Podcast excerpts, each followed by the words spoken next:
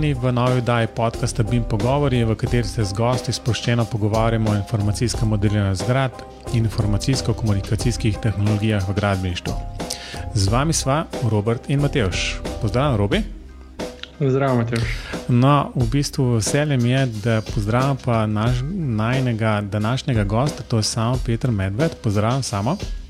Zdravo, Robi, zdravo, Mateoš predno, v bistvu, um, oziroma na mesto, da jaz začnem naštevati vse, kje si upleten v gradbeništvo in digitalizacijo, in bim um, samo bi jaz prepustil besedo tebi in te prosim, da v parih stavkih poveš, um, kdo si in kaj počneš. Torej, po izobrazbi univerzitetni diplomirani že gradbeništva. Uh, projektant od, od začetka svoje kariere, to se pravi od leta 1900. 91, uh, moram reči, da tudi navdušen uporabnik novih tehnologij.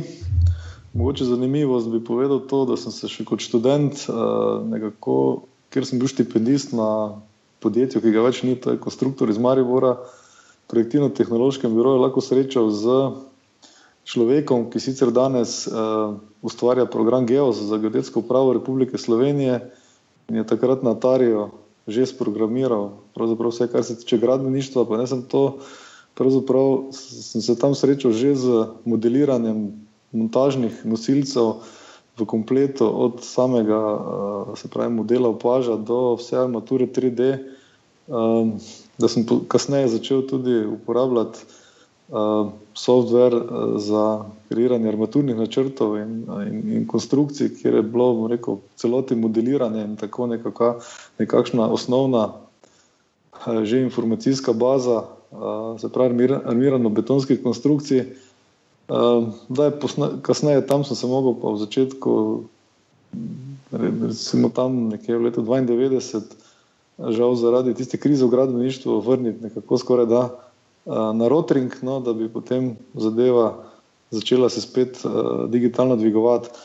Uh, torej, leta 1999 sem postal, sem tudi solastnik podjetja Lineal in leta 1999 sem postal tudi direktor podjetja in sem ga vodil 17 let. Moram reči, da v nekih čudovitih časih za gradbeništvo, kjer smo lahko res delali na velikih projektih, razvijali in tudi uh, razvijali stroko in tudi spremenjali pristope, ne, do tam pojava uh, krize v letu, po letu, bom rekel, 2010, uh, kjer smo se soočili pa s tako veliko krizo, da smo se pravzaprav začeli spraševati, ali rekel, sploh tam v letih 2014-2015, ali sploh še smisel nadaljevati uh, v tem poklicu oziroma v tem stroki.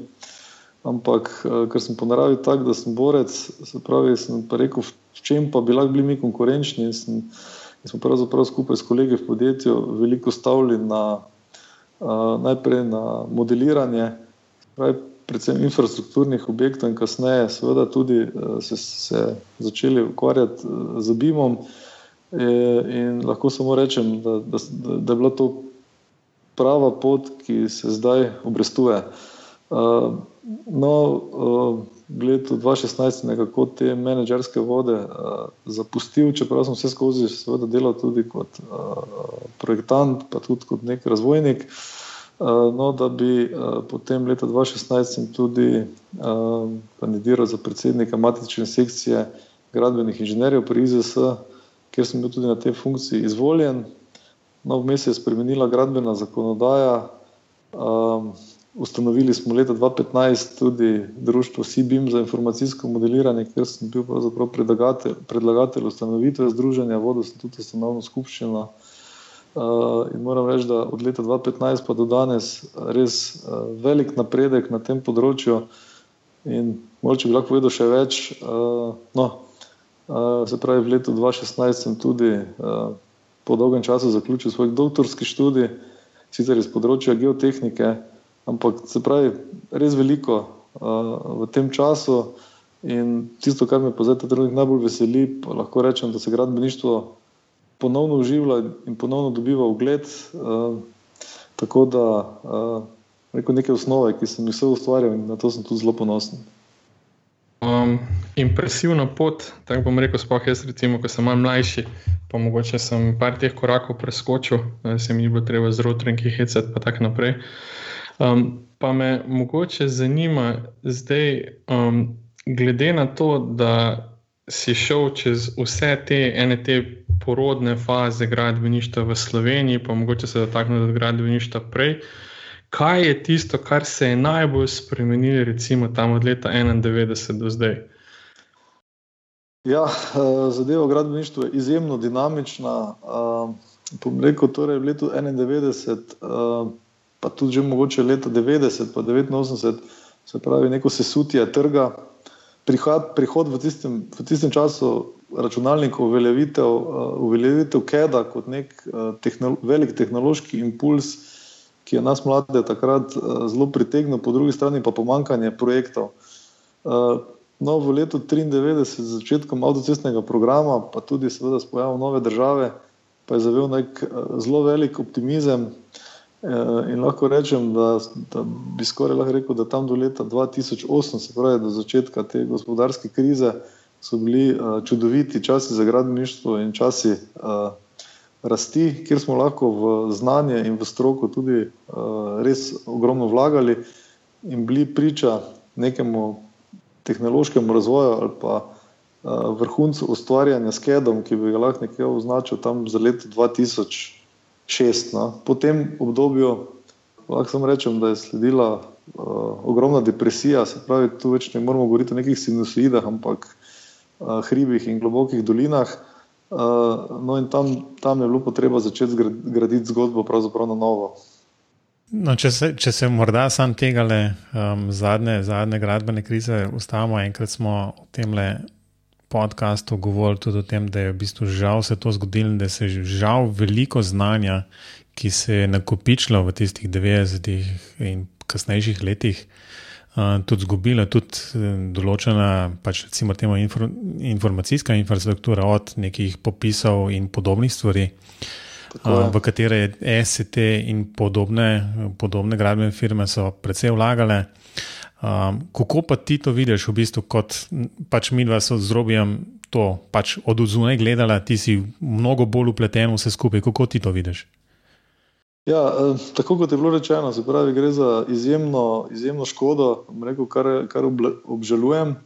Uh, se pravi, tudi rekel, je to bilo zaradi politike ali česar koli, uh, tudi medijev. Moram reči, da so tudi mediji imeli tukaj prste zraven, se dejansko stroka popolnoma sesula. Eh, tudi njen, tudi njen ugled, eh, nažalost, in da je veliko znanja, ki je bilo tukaj res pridobljenega, šlo v nič. In sem lahko rečem, da smo mogoče po tem letu 2015 eh, zgledali gradbeništvo nekje 40 do 50 odstotkov slabše, tudi po kakovosti, kot je bilo, kot je bilo prej.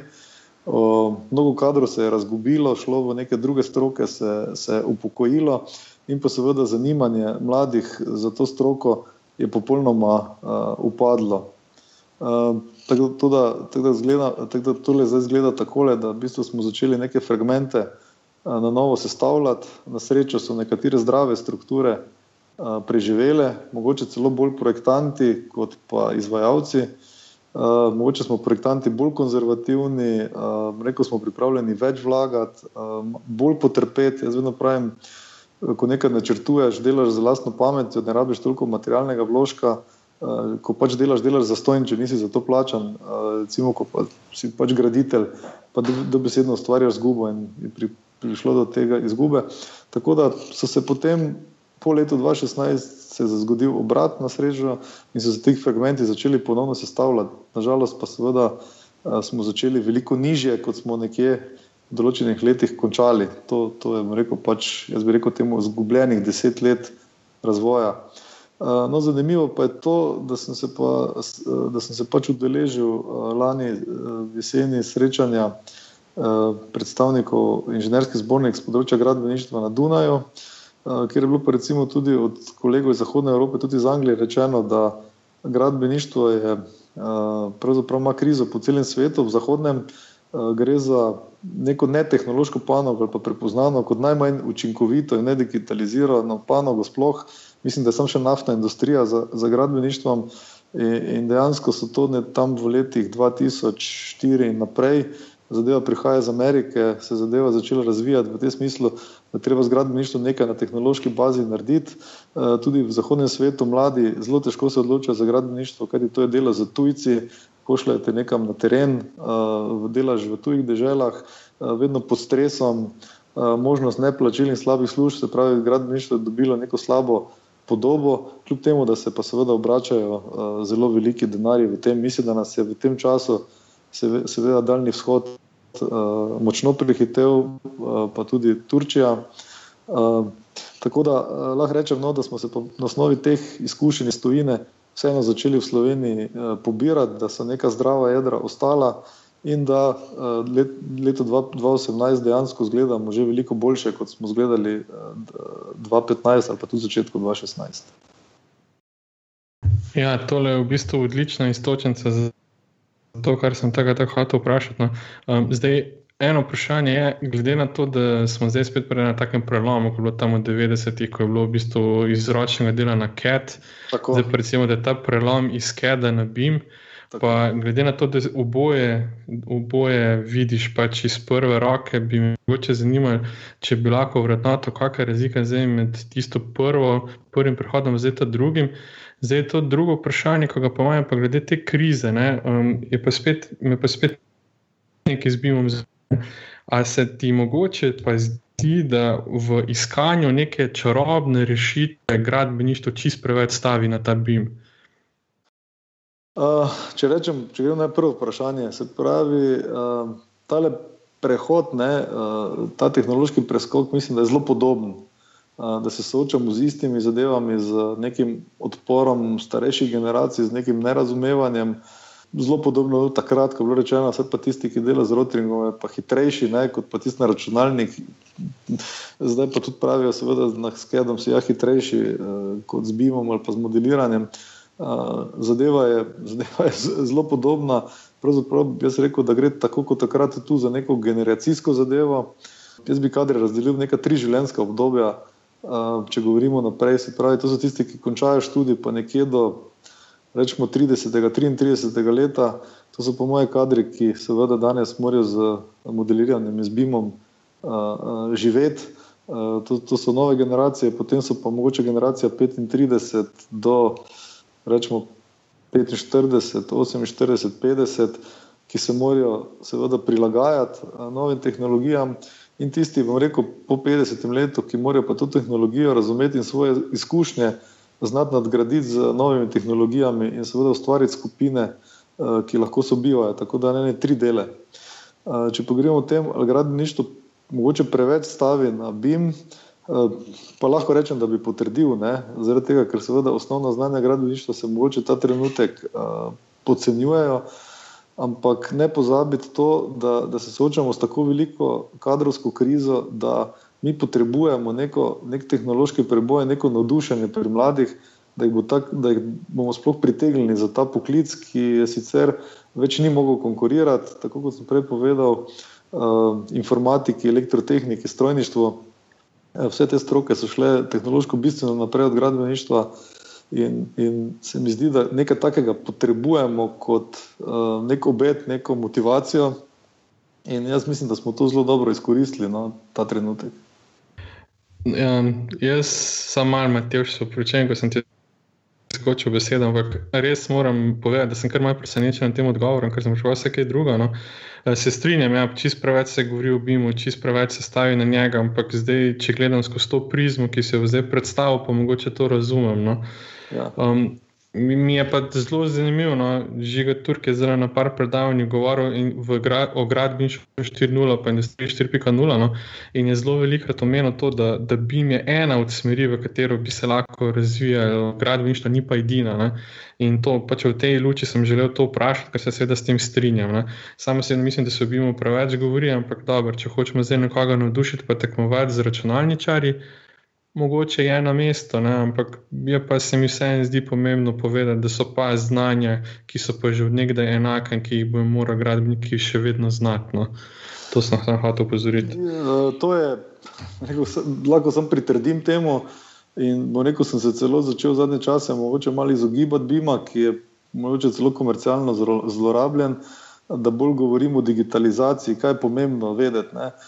Nam so zginili niže strukture kadrov, nam zginjajo gradbenih tehnikov, ne proizvajamo več, nimamo delovodi, se pravi, nimamo ljudi za gradbišča. Se pravi, zdaj gradbenika si predstavljati z, z, z neko lopato v roki in z samokolnico, verjetno to ni tisto prihodnost gradbeništva, ki bi ga kdorkoli še, kdorkoli še videl. Prihaja generacija rekel, uporabnikov pametnih telefonov, je tu, se pravi, vsak navaden delavec uporablja že rekel, sodobne tehnologije in jih je vešč. Se pravi, rešitev gradbeništva je v, v sigurno v neki industrializaciji, v neki prefabrikaciji, v več izdelavi, v zaprtih procesih, v montaži. Ne bomo se mogli ogniti dela na terenu, kasneje, jaz mislim, da tudi v robotizaciji, da to že absolutno prihaja. In če pogledamo, je vse osnova v nekih kvalitetnih informacijah, ki se lahko za ta namen uporabijo. In to je ta razvoj gradbeništva, ki ga jaz vidim. Se pravi, jaz se več ne predstavljam gradbenika z, z samokolnico in z lopato v roki.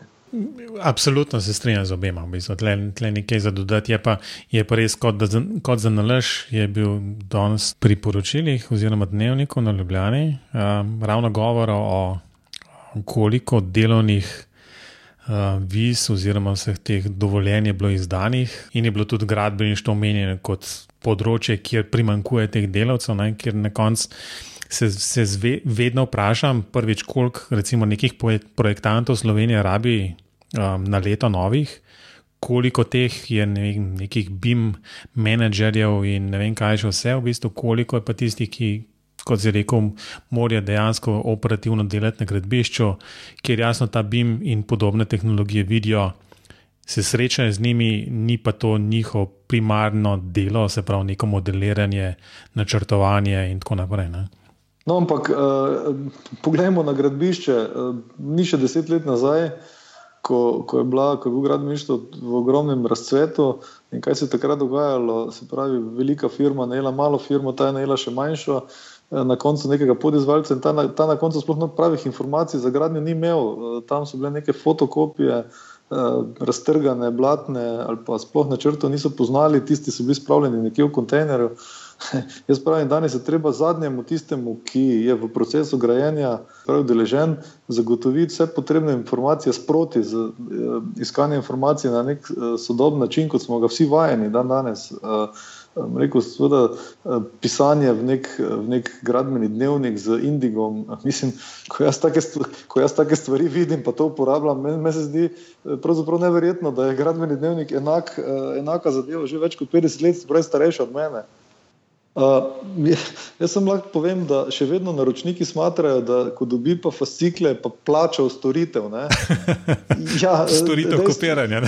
ja, ne, in zdaj mi uh, rekel, to še vedno peljemo, potem te projekte razdrejo, jih poskenirajo in jih dajo v bazo kot neke PDF in TIFE, ki so izgubili ogromno informacij uh, odprej. Ne? In seveda, kako te informacije spet nekdo uporabi v, v procesu graditve. Tako da, rekel, jaz, jaz sem se zdaj ta trenutek vrnil nazaj iz Bima. Bim, Bim je bil tisti, ki nas je premaknil naprej v razmišljanju, v bistvu naprej, ampak dejansko pa moramo uh, od zadaj to digitalizacijo v gradbeništvu uh, bistveno spraviti naprej, preden bomo, preden bomo mi sploh sposobni. Uh, vse zadeve, ki jih bi prinašal, pa uporabljati. Se pravi, nam še veliko manjka bistveno bolj bazičnih stvari pri obvladovanju informacij v gradbeništvu, kot, kot je BIM. Zato sem se vrnil malo nazaj. Ja, no, jaz bom še enkrat rekel, da sem zelo, zelo vesel, da to slišim od nekoga, tako kot si ti, zato ker potem imam neko upanje, da se še kdo zaveda, pač kaj dejansko, kakšno je vloga Bima v tem trenutku. No. Um, ampak mogoče bi sam tukaj eno istočnico postavil, pa bi jo pustil pa za naprej, ko bomo govorili o akcijskem načrtu. Ne. Da mogoče to, ko si omenil, to skeniranje pa, pa shranjevanje v bazah, to, to je tudi zelo dost povezan s pravnimi vidiki enega takega projekta, zato ker tisti tist fascikel je ponovadi žigosan in ima neko pravno vrednost, pa tako naprej, medtem ko digitalni dokumenti pa še nimajo. To je še zdaj tako zelo, zelo občutljivo področje v Sloveniji. Ne.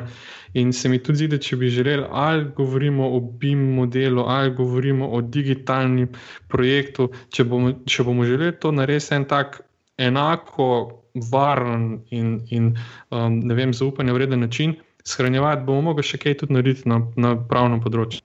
No? To je tak en mal, mali komentar. No, tole je rekel, odlična, odličen komentar in je tudi sestavni del pravi, nekih aktivnosti akcijskega načrta. Ne?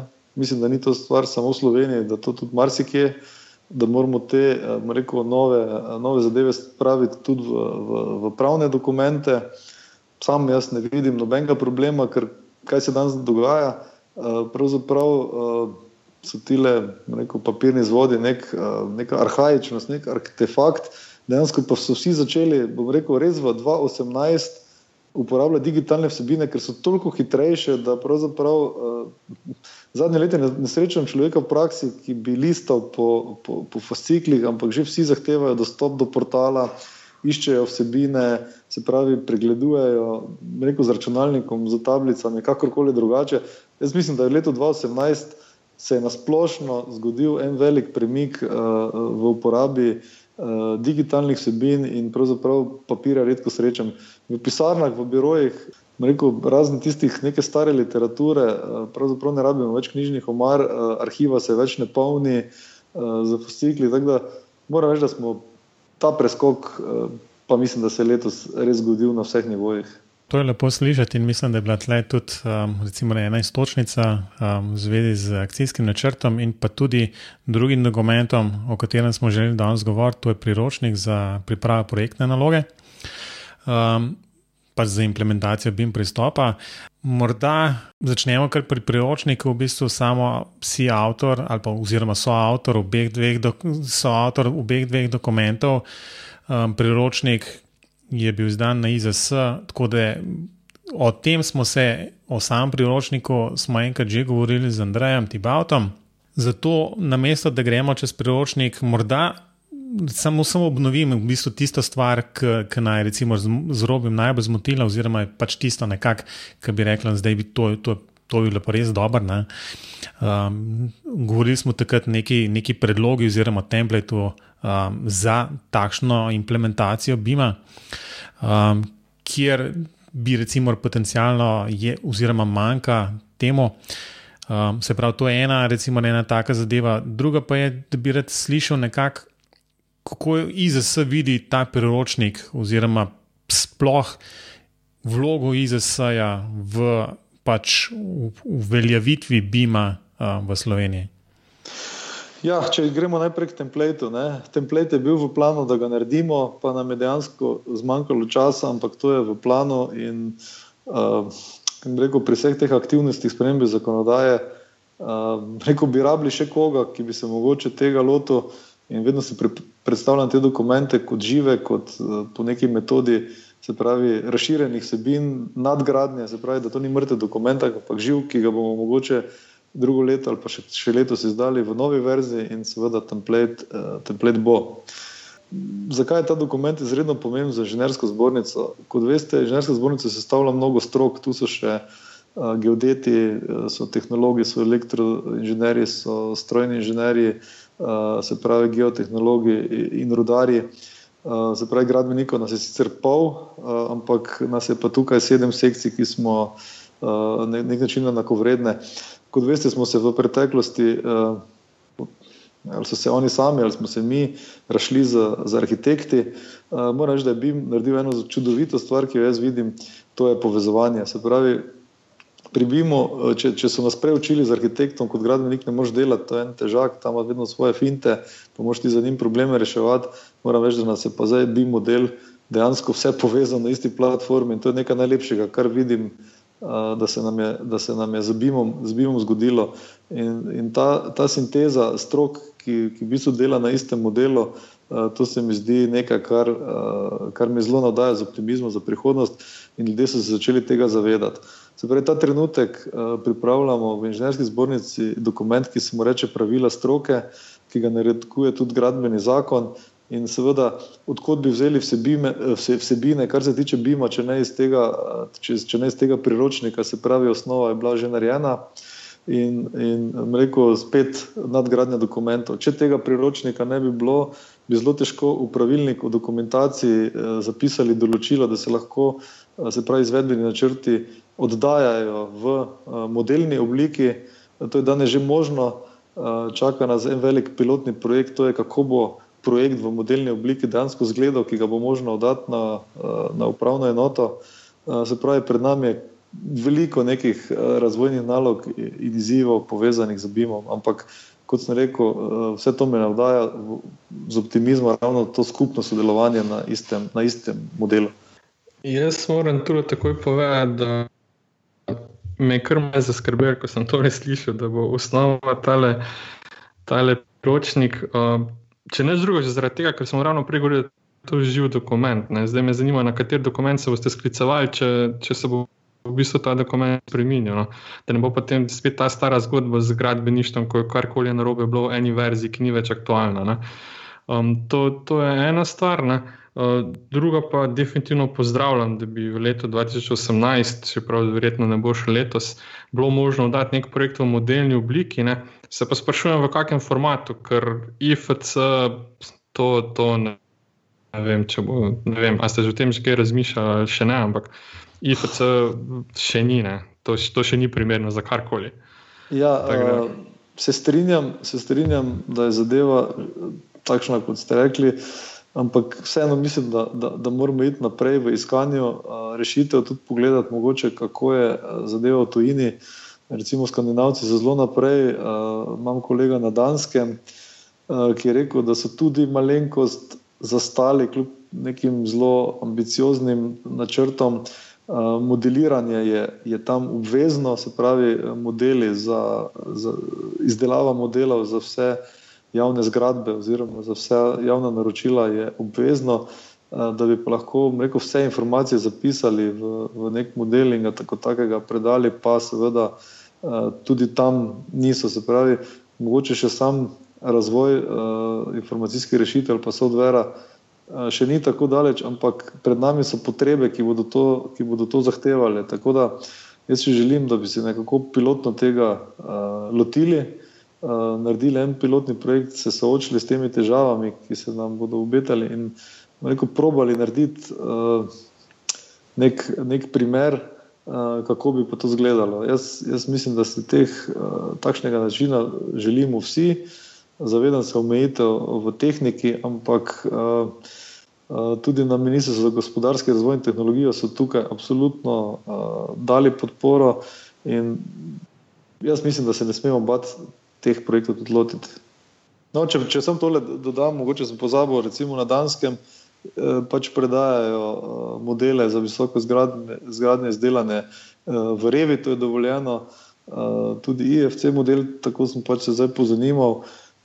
Verjetno ni to to, kar si na koncu iščemo, ampak vse nekje je treba začeti. Ne? Jaz mislim, da tudi vsak model, ki se izdela, ga se ga ne sme zavreči, Eh, prihaja projektni informacijski sistem, ki bo v državnem oblaku in potem bodo seveda vsi ti modeli uh, trajno shranjeni in, in varovani. Jaz mislim, da so to informacije, ki se jih nikakor ne sme zavreči. Jaz, jaz mislim, da ta virtualizacija uh, naše realnosti uh, je pred nami.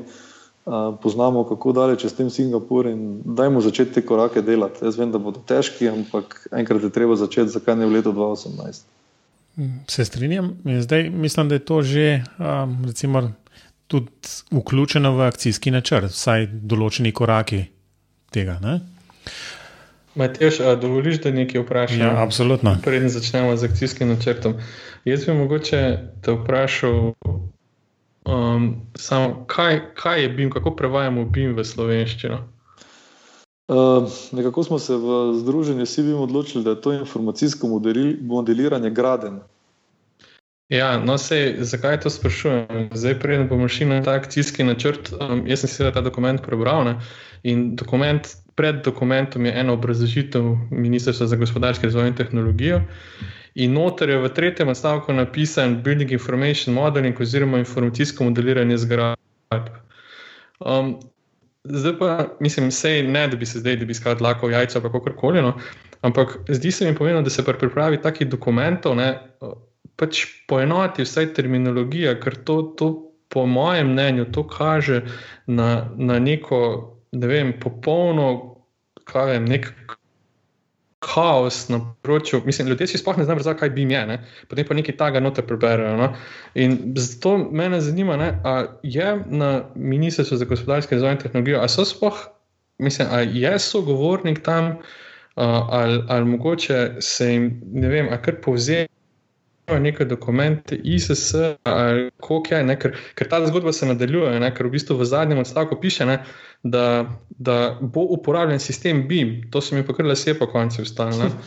Um, in mislim, preden govorimo o nekih akcijskih načrtih, pa mogoče nekdo, ki ga uvaja, ne, pa nekaj tega noter napiše, mislim, Mene je to grozno, se pravi, ampak res, mislim, to je treba pozoriti. Jaz se strinjam, informacijsko modeliranje je graden, zaradi mene lahko tudi zgrad, ampak treba to potem konsistentno uporabljati. Um, zato me zanima zdaj, ali, ali je sogovornik tam, ali ni, ali mogoče oni ne vejo točno, kaj promovirajo, ali kako je tvoje mnenje. No? Ali pa če imaš morda več informacij, zagotovo imaš več informacij kot jaz. Definitivno uh, moram reči, da seveda uh, zelo velike uh, ustrezne kadrovske zasedbe uh, tam ni. Uh, moram reči, da je bilo z njihove strani uh, prepoznano, ker na koncu konca to je le tisti, ki skrbi za gradbeništvo, pa to malo kdo ve. Se pravi, gradbeništvo je danes razmetano po, po ne vem kolikih ministrstvih, uh, v bistvu se vsako ustvarja z gradbeništvom, krovno uh, ministrstvo pa je MGRT ki je dobilo tudi nalogo dejansko spremljati eh, razvoj gradbeništva. In lahko rečem, seveda, da so to ljudje, ki eh, se podrobno na to eh, ne spoznajo, oziroma ne morejo spoznati. So se pa, so se pa podočili, da je to idejo, ki smo jo predstavili v Sibiju, so, so podprli. Tudi so zelo bili veseli, oziroma so pohvalili izdelavo tega rekel, dokumenta, akcijskega načrta, ki smo ga nekako skupaj delali, tudi Ne, nismo želeli niti enega papirja uporabiti, tako da smo vse smo delali v oblaku. Tudi eh, rekel, državna uprava, ki ima vse te prepreke uporabe takšnih rešitev, je tukaj malo uh, se prilagodila. Uh, in seveda se ljudje na ministrstvu izobražujejo. Teh ljudi je izjemno malo.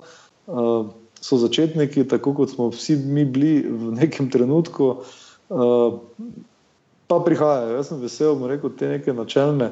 Eh, podpore tudi samega ministra, eh, se pravi Počevalška, eh, da so prepoznali to, da je tudi gospodarska zbornica to prepoznala in neka široka podpora je, da se, da se na tem področju nekaj naredi. Seveda, če pa govorimo o tako podrobni terminološki uporabi izrazov, pa se zavedam, da tu prihaja do mešanja, da, ne, da prihaja do, da, da ni dovolj velikega poznavanja, ampak pripričan sem, da bodo se tudi ti Eh, te porodne težave spremenile in da bomo postali dosledni. Eh, seveda, pa vse te konference vsi ti dogodki, ki, ki jih bomo organizirali, ki jih bomo imeli, eh, vsi ti dokumenti, ki bodo še prišli, jaz mislim, da bodo vedno boljši in da bo tudi uporaba terminologije veliko bolj dosledna, oziroma se jo bodo ljudje naučili. No, ampak jaz bi se rekel, da okay, ena je terminologija, to, to še lahko govorimo, ampak sistem BIM, to pa pač kaže na neko ne vem, nerazumevanje tega, zakaj sploh gre. Ne? In to, to recimo, se meni zdi problematično, sploh če to uvod v en tak dokument, en tak zelo pomemben dokument, kot je akcijski načrt. Se, um, se, se, se, se, se, se strinjam s tem. Uh, bom rekel, meša se, uh, BIM, bom rekel, je zelo tako komercialno uh, zlorabljena, pa prevečkrat uporabljena beseda in je premalo poznavanja, to se zavedam. Zato bom rekel, sem veliko rajše uh, s temi ljudmi govoril o procesih digitalizacije v samem, v samem gradbeništvu ali pa v investicijskem procesu in bi me rekel tista neka uh, res uh, zgornja, stopnja, zgornja stopnja tega, mi še pa tistih osnov nismo naredili, tako da uh, se strinjam s tem komentarjem, uh, se, tega, se tega absolutno zavedam in pred nami mora biti, da seveda smo veliko bolj eh, dosledni, uh, mislim, ne mi, da, da, da, da rekel, vse te ljudi izobrazimo, osvestimo, uh, kaj dejansko BIM je, pa predem bomo prišli do uporabe BIM pristopa, kaj vse je treba prej še postoriti. Zdaj, najbrž ne, ne bo časa, da se spuščamo v um, neke detajle akcijskega načrta, pa bi samo, recimo, tebe prosil, če morda izpostaviš, recimo, ali nekaj, nekaj takšnih ključnih stvari, morda kakšnih predvidenih uh, rokov, um, pa morda se dotakneš do tega, ali je to kakorkoli ogroženo z raznimi menjavami vlad in podobnih stvari, čemer smo trenutno priča. Uh, terminsko je bil uh, ta lekcijski načrt nastavljen zelo optimistično, se pravi do leta, do leta eni meniki so leta 2021, ko se uvaja obvezna uporaba projektno-informacijskega sistema v Sloveniji, ta je že zakonsko uveljavljen, verjamem, da bo, in pa leto 2024, ko bi naj dejansko se BIM pristop uh, uveljavil pri javnih naročilih. Uh, res mi je žal, da se zdaj, uh, so se te volitve prečasne zgodile. Uh, mislim, da so nam zmanjkali tedni, da bi bil akcijski načrt uh, sprejet. Uh, nekako mi je bila dana obljuba, da uh, katera koli vlada bo prišla, da, da naj ne bi bilo strahu, da se s temi aktivnostmi ne bi nadaljevalo, ampak definitivno bo to vplivalo na, na terminsko izvajanje. Da bo že v tako kratkem času se zadeva še stisnila, ali se bo pač morala prolongirati kot vsak terminski plan, kjer se na začetku, na začetku zamuja. Uh, Uh, to je naša realnost, s tem bo treba živeti. Uh, jaz upam, da se uh, nova vlada čim prej postavi in da bo tudi uh, naprej podpora, uh, se pravi, uh, akcijskemu načrtu in vsem tem aktivnostim. Mi ne bomo šli, ne imate, ne bomo šli podrobno čez dokument, ker mislim, da bomo imeli časa.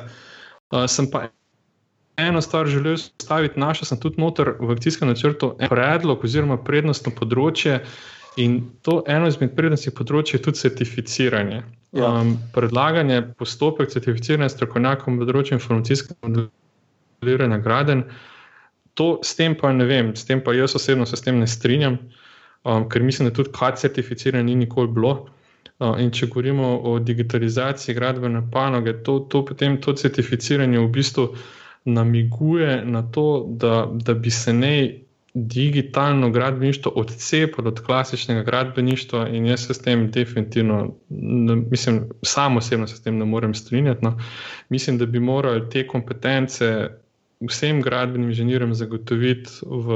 v procesu uh, visokega šolstva, visokega izobraž visokošolskega izobraževanja. Tako da ne vem, no, um, ali je to, ne vem, ne vem iz, odkje je prišla pobuda za to certificiranje.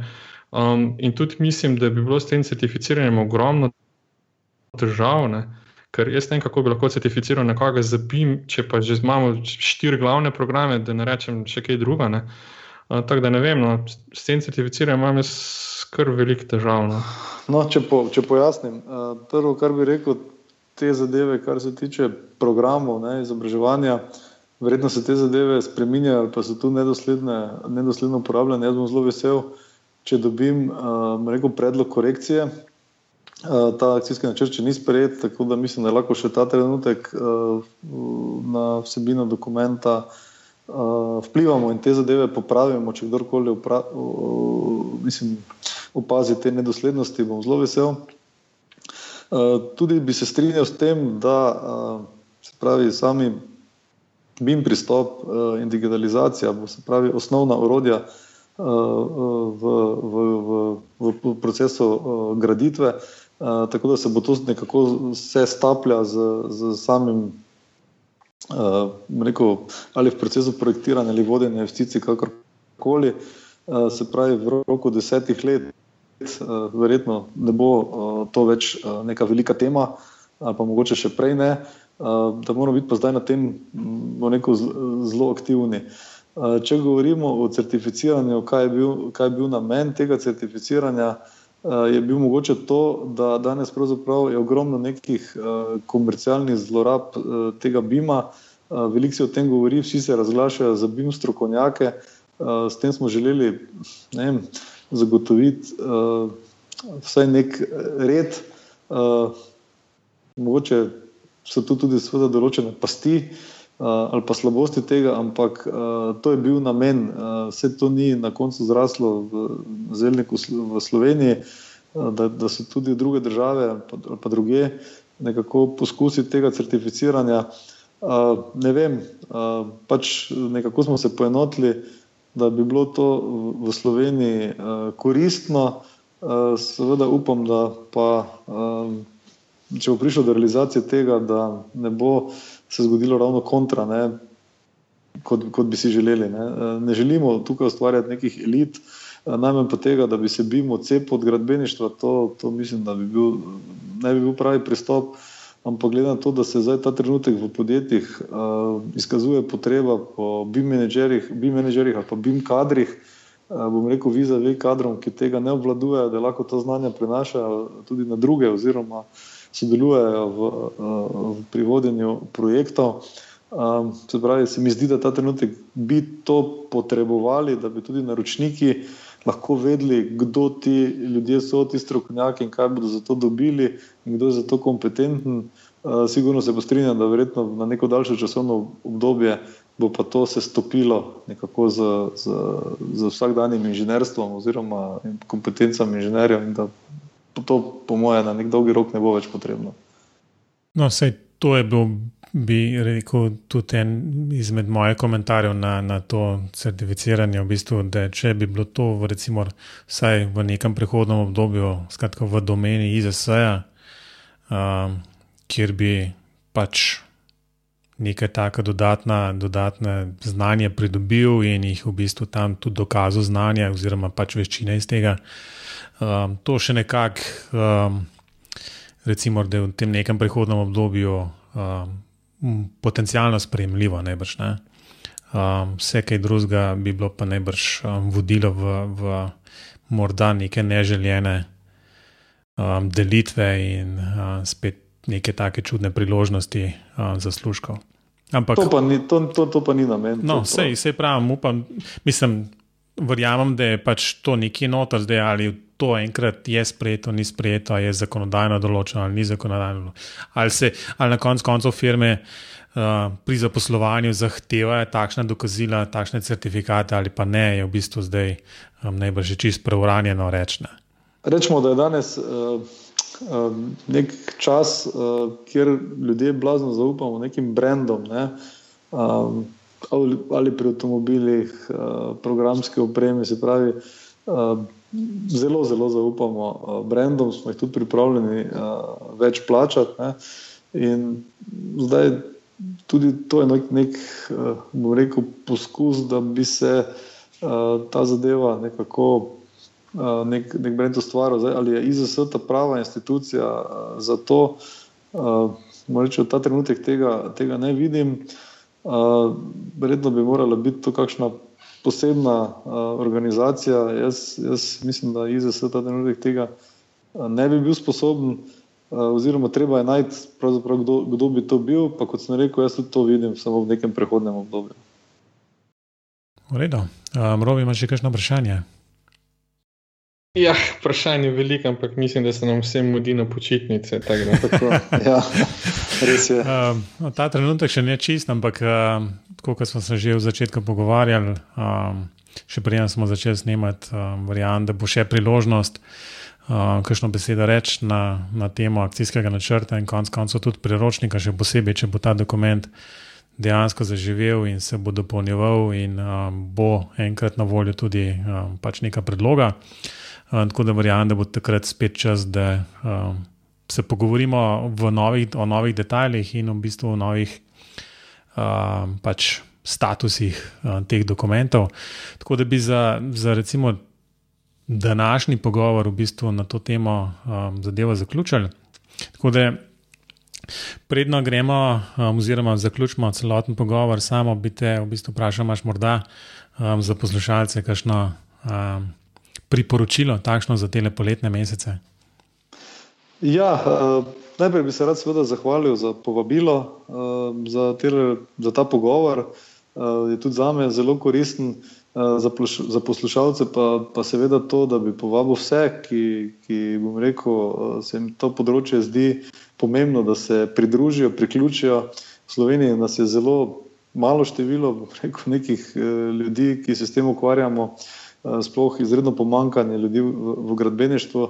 Zelo rad bi, da spravimo gradbeništvo spet nazaj kot neko ugledno gospodarsko panogo, da so tukaj neka varna delovna mesta, tehnološka delovna mesta in da seveda, da bi rad povabil vse, ki si želijo, rekel, so ustvarjanja nekega skupnega uh, prostora, nekih skupnih pravil, uh, rekel, nekega, neke skupne uh, večje sposobnosti uh, rekel, slovenskega gradbeništva, pa tudi tega področja da se pridružijo vsem tem pobudam, Jaz bi rad, da so tudi ta strokovna civilna sfera, da je odprta, da se lahko združimo, izmenjavamo mnenja, da tudi tale, takšen pogovor, kot je to, izmenjava mnenja, je zelo koristna. Rad bi, da se seveda čim več mladih strokovnjakov to vključi in da zadeva zaživi. In zakaj ne bi bili Slovenci v tujini prepoznani kot, kot tehnološko napredni? Jaz mislim, da, da imamo to neko svojo v sebi neko svojo ambicioznost, tekmovati z velikimi. Smo že dokazali, da kljub majhnemu trgu smo sposobni gradbinci, smo veliko ustvarili in rad bi, da rekel, se ta podoba vzpostavi ponovna, ponovno na neki rekel, tehnološki, tehnološki osnovi. Ko sem pred leti zaposloval za potrebe razvojnega projekta mlade kadre iz fakultete, sem bil zelo, zelo pozitivno presenečen, ko sem pač videl, da fakultete izobražujejo pravi, mlade kadre z, z, z novimi znanji, da so to neke nove generacije, rekel, lahko, na katerih lahko gradiš. Tako da tega bi si želel, no, in, in to mogoče za zaključek tega pogovora. Um, lahko morda izkoristim to in te vprašam, če kdo um, čuti potrebo po določenih eh, popravkih, dopolnitvah, eh, izboljšavah in tako naprej, glede na, glede na oba dokumenta. Ali je definiran kakšen postopek, kako v bistvu to narediti, ali lahko nekako damo pobudo poslušalcem, da prvič jasno, na vsak način morajo vsi prebrati oba dokumenta dvakrat, um, pa na plaži tudi. Um, potem pa je nek dejansko nek protokol, po katerem bi potencialno lahko vplival na um, nekdo, ki do zdaj še ni bil vključen v, v sam razvoj teh dokumentov, um, vplival na, na neke dopolnitve, spremembe. Torej, zelo preprosto. Uh, za priročnik, definitivno inženirska zbornica Slovenije, uh, elektronski naslov izs.afna izs.pika si, uh, bo že prišlo na, v, v prave roke. Kar se tiče akcijskega načrta, pa bi jaz rekel, kar kontakt afna cbm.si uh, bo tudi prišlo prave roke. Tako da kdorkoli uh, rekel, ima uh, kakršno koli konstruktivno predlog, pripombo za dopolnitev, se tudi dva elektronska naslova, uh, kamor se to lahko pošle in definitivno bo prišlo prave roke in bo tudi deležno odziva. No, lepo ta naslov na vsak, na vsak način v, bodo omenjeni v zapiskih, tako da um, samo hvala lepa za tole, um, robi, pa ti. Um, moje priporočilo je, naj ljudje čez poletje raje malo grejo ven, pa, pa si zbistrijo misli in potem pride z novo energijo jeseni naprej, ker pač iz dolg časa se rodijo najboljše ideje, tako bi rekel.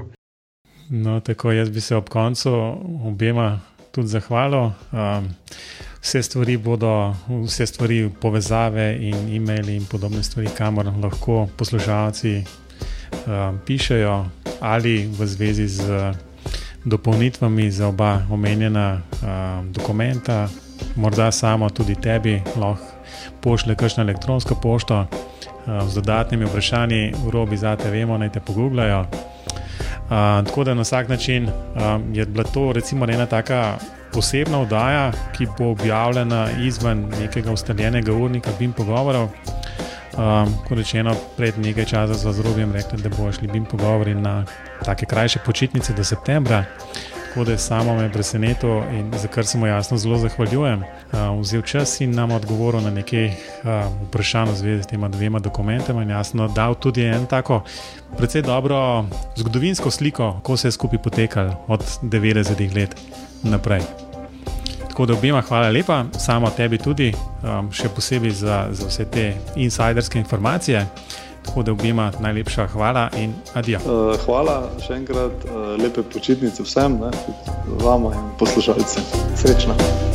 Adijo.